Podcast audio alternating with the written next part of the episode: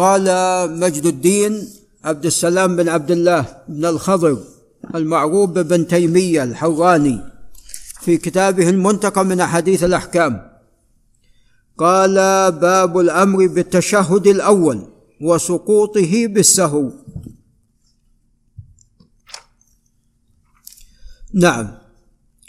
هذه الترجمة تضمنت مسألتان المسألة الأولى أن التشهد الأول مأمور به مامور به. ولكنه وهي المسألة الثانية يسقط بماذا؟ يسقط بالسهو. فيجبر بسجود السهو. يجبر بسجود السهو. خلافا لمن قال أنه مستحب. الصواب أنه واجب.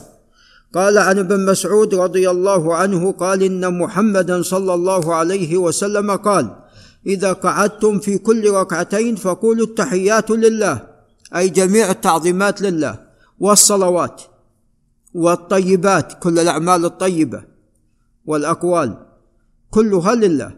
السلام عليك أيها النبي ورحمة الله وبركاته. وبعض أهل العلم جاء هذا عن بعض الصحابة ذهبوا إلى أن بعد وفاة الرسول عليه الصلاة والسلام يقال السلام على النبي والأقرب لا السلام عليك لأن هكذا علمنا.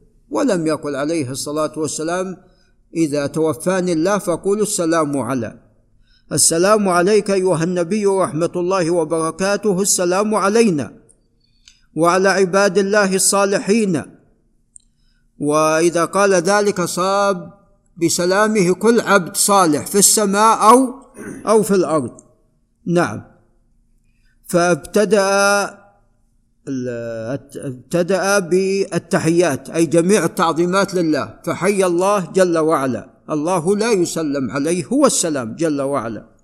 ثم سلم على الرسول عليه الصلاة والسلام. ثم على عباد الله الصالحين. أشهد أن لا إله إلا الله وأشهد أن محمدا عبده ورسوله. ثم ليتخير أحدكم من الدعاء أعجبه. أعجبه إليه فليدعو به ربه عز وجل رواه أحمد والنسائي وهو صحيح. نعم.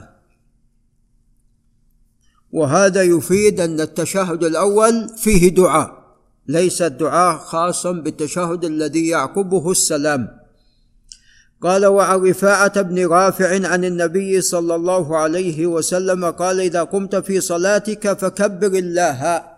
ثم اقرأ ما تيسر عليك من القرآن فإذا جلست في وسط الصلاة فاطمئن وافترش فخذك اليسرى ثم تشهد رواه أبو داود. وهذا أسناد صالح.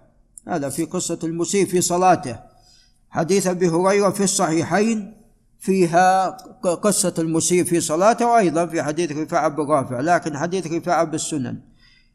قال عن عبد الله بن بحينة رضي الله عنه أن النبي صلى الله عليه وسلم قام في صلاة الظهر وعليه جلوس أي التشهد الأول. فلما أتم صلاته سجد سجدتين يكبر في كل سجدة وهو جالس قبل أن يسلم. وسجدها الناس معه مكان ما نسي من الجلوس وهذا يفيد وجوبه. قال رواه الجماعة. ولعل نقف عند هنا.